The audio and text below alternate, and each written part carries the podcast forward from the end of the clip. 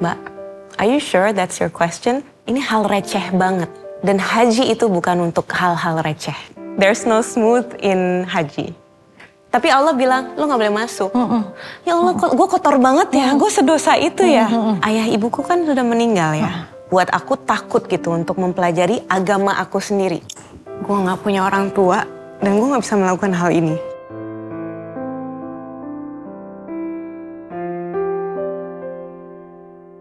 Assalamualaikum warahmatullahi wabarakatuh. Selamat datang di Wardah Heart to Heart dan kali ini bersama saya Meisha Siregar. Senang sekali di bulan Ramadan yang suci ini yang sudah dinanti-nantikan oleh seluruh umat muslim yang ada di seluruh dunia. Wardah Heart to Heart menghadirkan sesuatu yang spesial. Yaitu nanti kita akan sharing, kita akan ngobrol dan juga mengupas tentang sosok perempuan yang sangat inspiratif dan juga memberikan kebermanfaatan lewat langkah baikmu berarti. Nah, spesialnya adalah wanita ini biasanya mewawancarai wanita lainnya yang menginspirasi. Tapi kali ini alhamdulillah rezeki saya bisa ngobrol langsung with the one and only Dewi Sandra. Assalamualaikum Dewi Sandra. Waalaikumsalam warahmatullahi Gantian nih ya biasanya. Halo. Aku seneng loh sekarang. Biasanya kamu yang wawancarai semua wanita-wanita inspiratif. Masya tapi sekarang izinkan aku mewawancarai kamu. The one and only perempuan wanita yang begitu Nah, udah nggak usah dilebay-lebayin udah udah. Serius Wi, asal lo tahu ya tiap Ramadan yang gue tunggu adalah semua fits lo yang dari hari ke-1 sampai hari ke-30. Gue baru mikir, ini tahun ini gue bisa nggak ya? Gue kuat Iya kan? ya? Itu Masya Allah. Nah kira-kira tahun ini apa sih yang spesial gitu loh yang yang mungkin beda dari Ramadan tahun sebelumnya? Asli ya, I feel like ketika kita memasuki Ramadan pandemi, itu benar-benar kayak ditampar sama Allah untuk kita nih semua hamba-hambanya fokus. Dulu kita tuh banyak banget alasannya nggak bisa teraweh, nggak bisa ngapain karena kita ada aja alasannya mau itu kerjaan kayak terus nanti tiba-tiba ketemu sama temen-temen kayak mau bukber kayak mau apa segala macam. But last year itu kan kayak mau ke mana? Yuk di rumah aja ya, fokus ya. Banget, ya. banget. Ini justru esensi dari sebuah bulan yang penuh keberkahan, cause it's really just about you sama Allah. Hubungannya ini kayak gimana nih tektoknya? Dan ketika semua distorsi-distorsi dihilangkan, itu kayak, oh ternyata kayak gini ya. Dan itu nikmat. Tapi nggak tahu ya kalau gue tuh ngelihat lo ya Wi, gue sirik banget loh. Sirik dalam arti yang positif ya, in a positive way. Karena gue ngelihat lo begitu bisa menikmati dan mencintai Islam karena tidak semua dianugerahi yang namanya nikmat iman, nikmat Islam. Dan kita semua tahu perjalanan seorang Dewi Sandra untuk mencari Nih ya jujur aja ya. Itu semua Allah yang maha baik menutupi aib-aibku. Because really I am struggling. Really? Yeah, of course. Seriously? Ini kan agama yang sangat luas banget. Gak habis-habis. Nggak habis-habis kayak setelah mempelajari ini, eh ternyata lagi ini. Terus ternyata, ih ternyata gue belum apa-apa ya. Ternyata belum Lo sempurna. masih merasa belum Oh apa-apa? banget, banget, banget, banget. The key, lu nggak boleh sombong. Ya. Dengan agama lu nggak boleh sombong. Karena nggak ada yang lebih besar daripada agama ini sendiri. Jadi untuk merasa kita udah keren, kita udah alim, Yes. Itu justru harus dipertanyakan lagi, cause ini agama luas banget ilmunya. Apa sih yang membuat lo tertarik dan jatuh cinta dengan Islam dan lo willing to learn? Iya, wah ini dalam banget ya pertanyaannya. penasaran, penasaran. Um, first of all, yang membuat kita, aku pribadi ya, jatuh cinta sama agama ini adalah ternyata all the stories about Allah yang dulu aku dengar. Kan dulu kita dengarnya pokoknya kalau dosa hidup lu kelar. Itu kan menakutkan banget ya. Dan itu justru membuat aku takut gitu untuk mempelajari agama aku sendiri. Tapi ketika ketemu sama mungkin guru ya, aku bisa bilang guru atau lingkungan. Jadi sebelum sebelum aku seperti ini, aku juga melihat menyaksikan orang-orang yang kok ini beda ya, kok ini bisa sebegitunya istiqomah dan khusyuk dalam belajar. Mm. Apa sih bedanya? Mm-hmm. Ketika gue ngobrol sama mereka juga, Allah tuh baik banget. Mm. Allah tuh begitu cinta sama hamba-hambanya se- sampai setiap kegiatan yang kita lakukan itu pahala. Gimana gimana kok gue belum pernah denger nih yang kayak gini. Mm -mm. Dan gue setiap denger kayak hadis terus dibukain mana dalilnya. Mm -mm. Semakin semakin kok gue nggak denger yang kayak gini-gini ya. Okay. Dan itu membuat aku semakin jatuh cinta yeah, yeah. dan semakin kepo kan yeah. sama agak ih ih keren ya. Yeah. Ini agama sempurna bener gitu. Dulu tuh aku nggak nggak kebayang sempurnanya dari mana sih? Buat gue tuh horor gitu. Hmm. Nah semakin dapet yang yang kayak gini hmm. kayak I want more, hmm. I need more. Hmm. Karena gue pengen kenal lagi sama Allah, hmm. gue pengen tahu lagi dengan nama-nama dan sifatnya. You know when you fall in love? Iya, iya, iya kan? Iya, kayak gitu ya. Iya. Dengan pasangan tuh kita kan pengen all out gitu. Oke, okay, apa sih lu sukanya apa sih? Ya aku akan coba untuk ngelakuin itu you need to have that connection. Yeah. Are you connected mm to Allah at, or not? Iya. Yeah. Nah, perjalanan lo udah sampai ke titik itu sampai akhirnya memutuskan untuk menunaikan rukun Islam yang kelima yaitu naik haji. Kenapa lo sebegitu yakin ya Wi di umur lo yang mungkin masih muda kepanggil itu kan apa ya menurut gue itu bukan hanya orang yang punya uang loh Betul. punya waktu doang loh Betul. gitu loh tapi apakah memang Allah mengundang lo sebagai tamu undangannya atau enggak lo tuh gimana bisa sampai Oke, okay. first of all untuk untuk haji, mm -mm. aku akan selalu ingetin dan bilang ke semua orang yang aku kenal dan sayang, you have to go, you have to go This is the one perjalanan yang lu tidak akan menyesal seumur hidup Pasti. yang kayaknya lu akan kayak lu kayak diisi gitu. Mm -hmm. Hati batin secara spiritual lu kayak ah, semakin jatuh cinta. Semakin jatuh cinta dengan Islam, dengan experience yang eh yang gue jalanin ini ini Nabi juga jalanin mm -hmm. loh. Para nabi dan rasul mm -hmm. Sallallahu Alaihi Wasallam mereka menjalankan ini you learn the history, you learn the esensi, kita mempelajari kenikmatan-kenikmatan yang nggak bisa disebutin, tapi lu harus jalanin dan rasain. Mm -mm. Gitu. Nah ketika gue memutuskan untuk berangkat, sama kayak lo, gue merasa nggak, gue harus naik haji nih. Gue harus naik Oh pokoknya hati aku nggak mau denger alasan dari siapa pun hmm. sampai ke Mas Agus kan. Ntar aja sayang jangan sekarang aku belum siap. Nggak, if you're not ready now you will never be ready. Jadi aku selalu mendoktrin diri aku untuk lu jangan bikin alasan deh. Mm -mm. Karena semakin banyak alasan lu, lu semakin yeah. jadi mundur-mundur. You will always find, oke okay, alasan satu, yeah. alasan dua, alasan tiga, yeah. terus masalah duit.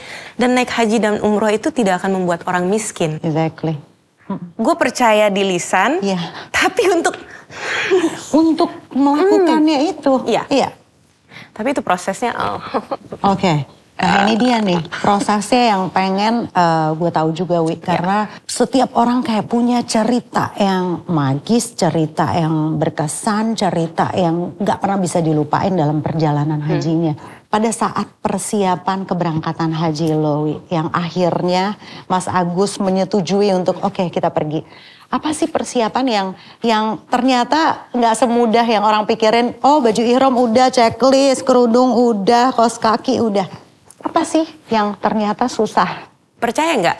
Ini kan awam kan kita selalu mikirin baju, iya, perintilan-perintilan, uh, perlengkapan lah, makanan, uh gantungan lah, uh apa pokoknya semuanya gitu. Percaya nggak? Kita ini uh, melakukan apa tuh sebelum kita berangkat haji sama umroh? Manasik. Manasik. Uh Biasanya tiga kali, sepuluh kali. Wow. In the whole sepuluh kali. Uh -uh satu pun nggak pernah membahas tentang perintilan-perintilan itu. Semuanya pengkondisiannya hati, hati, hati, hati, hati, internal. Get yourself ready because you are going to meet Rob kamu di event yang paling besar. Percaya nggak? Agus di ACC visanya Gue nggak sama sekali. Itu gue rasanya kayak ini pintu surga. Iya. Ha- buat kita kan haji itu haji satu itu- spesial banget kan. Ini salah satu pintu surga yang dibuka lah ya istilahnya. Tapi Allah bilang, lo gak boleh masuk. Ya Allah, gue kotor banget ya, gue sedosa itu ya. Jadi kayak, I'm, I'm here already. Everything is good to go, and gue gak bisa berangkat. Itu gue nangis setiap Kebayang malam, sih. gue nangis cuman ya Allah, gue cuman pengen ibadah. Gue cuman pengen melakukan sesuatu dalam seumur hidup gue, nanti gue bisa jawab di akhirat. Apa, Aku ngebayangin sedih banget sih. apakah lu sudah benar-benar total dengan agama? Allah, aku berangkat haji. At least that, at least rukun Islam gue Komplit. try, try. Perfect no, tapi I try kan. Masya Allah sih. And then in the final moment di satu hari sebelum berangkat, Mbak Dewi dan semuanya ya ada rombongan kita, semuanya berangkat. Masya Allah. Itu and that moment gue cuma bilang, I'm going to enjoy this trip. Gue nggak akan sia-siain sedikit pun momen itu karena gue gue hampir nggak berangkat. Gue nggak akan mengeluh nanti di sana karena gue sebegitu maunya berangkat. Wow, gila. Ah, itu- itu, itu- benar-benar adrenalin ya, Oh, Wi. banget. Dan akhirnya Allah mengizinkan lo berangkat ke tanah suci. Betul. Sampai sana sesuai dengan ekspektasi lo nggak sih, Wi? Semua berjalan smooth. No no no no no no. Nggak. There's no smooth. There's no smooth in haji.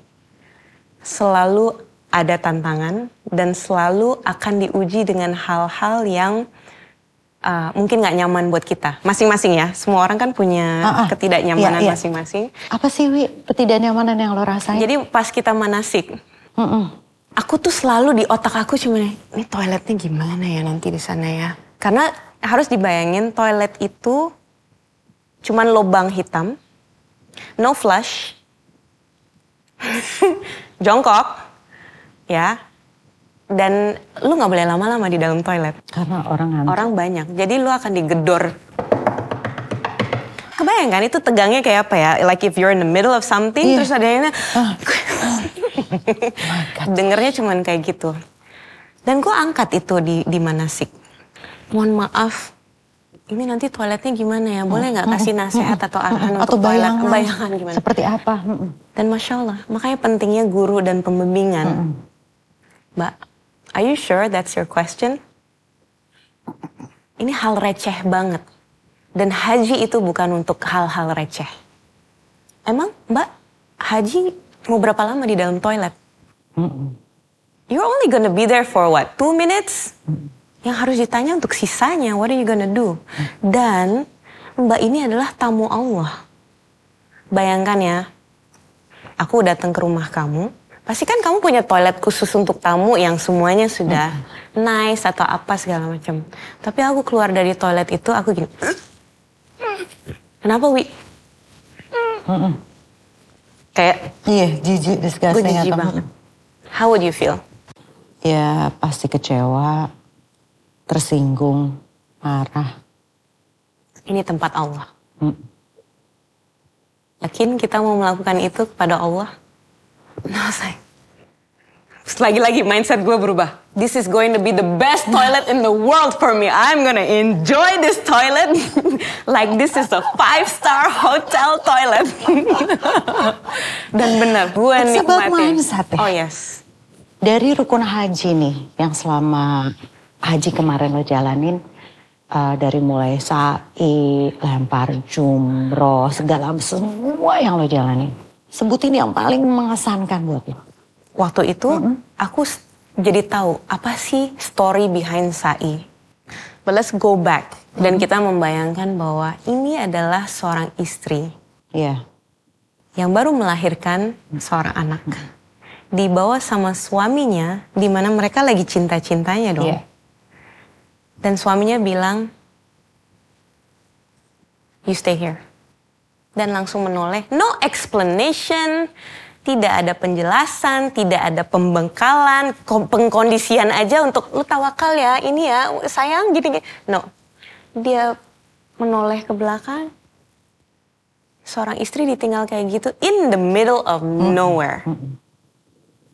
Wahai wahai uh, Nabi Ibrahim, kamu meninggalkan aku di sini. Why are you leaving me here? Nggak dibalas. Jalan terus. You, you're not leaving me here, right? Are you serious? You're leaving me here? Nggak dijawab. Dan pinternya wanita-wanita pada masa itu. Wahai Ibrahim suamiku, apakah Allah yang meminta engkau untuk meninggalkanku di sini? Baru suaminya menoleh, iya. Jawabnya apa? Baik, karena Allah tidak akan menyanyiakan saya dan anak saya. But what is the lesson behind Sai? A woman, seorang wanita, ditinggal suaminya, mau berjuang dan berikhtiar untuk hidupnya, dirinya sendiri dan anaknya.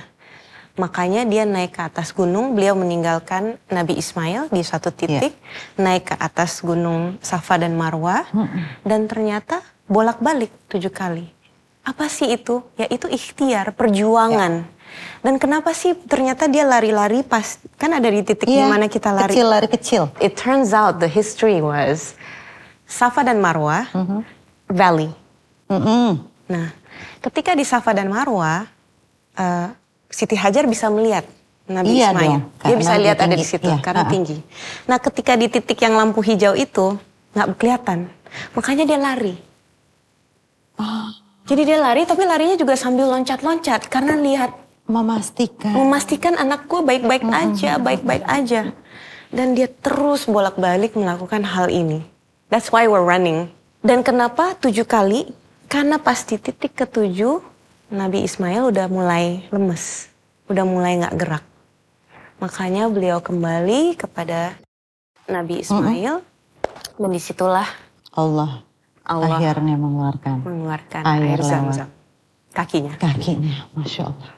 And I like, kan kalau denger kayak gitu sebelum melakukan ibadahnya kayak ini keren banget ya. Dan Jadi di situ yang bikin lo akhirnya melakukan semua ritual haji itu dengan oh my god, masya Allah, amazing, beautiful, dan kayak kita masuk ke ke kisah-kisah yang ada di Al-Quran dan kita menjalankan. menjalankan. Apa sih Wi yang bisa dipetik dari perjalanan haji waktu itu ketika pulang ke sini?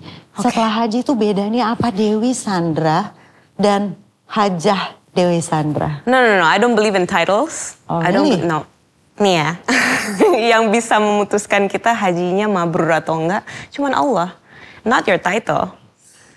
Satu hal yang aku learn, a very big lesson uh, ketika haji adalah the power of doa. Hmm. bahwa eh, ketika lu benar-benar serius ingin menghadirkan that that connection ya dengan Allah, ada kok dialog yang terjadi. Nah pas yang aku di Arafah itu, aku berdialog dengan Allah. Allah apa sih yang harus aku perbaiki? Apa yang ingin engkau tunjukkan kepadaku yang harus aku fokus ketika aku pulang dari sini? Ya. Okay, focus. I was so focused on that prayer. And please show me your signs. Aku selalu gitu. Ketika Oke. dialog sama Allah, aku selalu ya Allah, aku nih bodoh. Tapi engkau tahu kelemahan aku dan dan kekurangan aku. Tolong tunjukkan aku signnya engkau yang aku akan mengerti. Ya. Nah, ketika udah towards the end, aku mulai buka mata. Dan satu persatu, aku lihat di rombongan aku, si bapak itu menghampiri anaknya, terus dipeluk.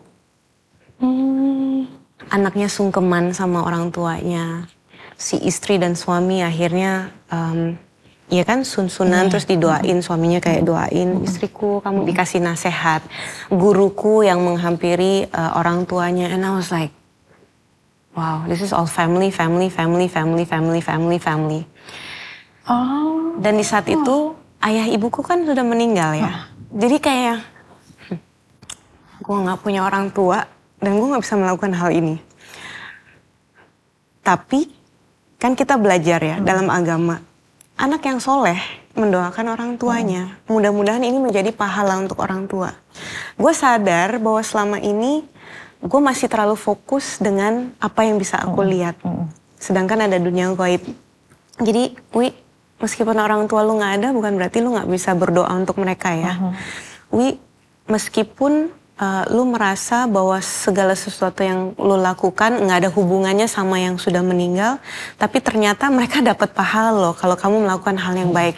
Nah saya oke, okay, I need to fix this. Tapi lu percaya nggak? Gue pulang haji, uh-huh. gue pulang haji nih, yang selama ini gue susah banget untuk komunikasi dan mendidik abang gue tentang agama. Dia cuma nyamperin gue, Dewi, I think I wanna do puasa Senin Kamis.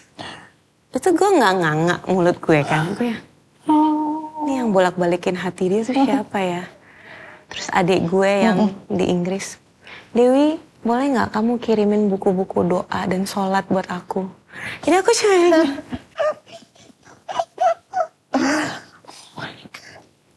the power of that prayer showed me that ya lu minta dong sama Allah. Dan lu harus yakin gitu bahwa Allah tuh mendengar dan gak ada yang mustahil untuk yeah. Allah. Exactly. Yeah. Wow. Wow, we I'm speechless. Masya Allah. Setuju gak sih Wi kalau dengan lo udah berhaji, apakah ini puncak kesempurnaan seorang muslim okay. setelah dia melakukan rukun haji yang kelima. Oh. Let me tell you what I've learned so mm -hmm. far. The peak dalam kehidupan seseorang adalah kematian. That's that's the peak. The peak. That's the peak. If you can say mm -hmm. Mm -hmm. your syahadat in your last breath, di mana itu katanya adalah yang paling berat di dalam kehidupan seseorang sakitnya sakit luar biasa dan lu bisa ngomong dua kalimat syahadat that's your peak yeah. Masya Allah Dewi, makasih banget, thank you banget sharingnya karena ini berimpact langsung. Tapi gue berharap banget mudah-mudahan semua journey lo, semua perjalanan lo dalam menemukan kenikmatan iman dan Islam itu tetap bisa di-share ya Wi. Please Insya banget Allah. karena buat gue itu sesuatu yang bisa menguatkan gue untuk terus wah gue bisa jadi better better setiap hari. Thank you so much. Dan berangkat haji ya. Amin. Langsung baby.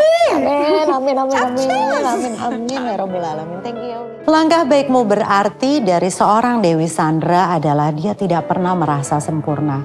Dia tidak pernah merasa cukup, selalu merasa haus akan ilmu, dan juga membangun koneksi yang begitu intim dengan Allah Subhanahu wa taala. Kalau Dewi Sandra telah melakukan langkah baiknya, sekarang adalah giliran kalian. Yuk kita wujudkan langkah baikmu berarti bersama dengan Wardah dengan cara scan barcode ini. Dan selain itu, kalian juga bisa ikut berdonasi untuk mereka yang membutuhkan dengan cara klik di sini dan insya Allah apa yang kita hadirkan pada hari ini bisa menggerakkan hati kita untuk selalu melakukan ibadah dalam kebermanfaatan. Jazakillah khair. Saya Mesya Siregar. Wassalamualaikum warahmatullahi wabarakatuh.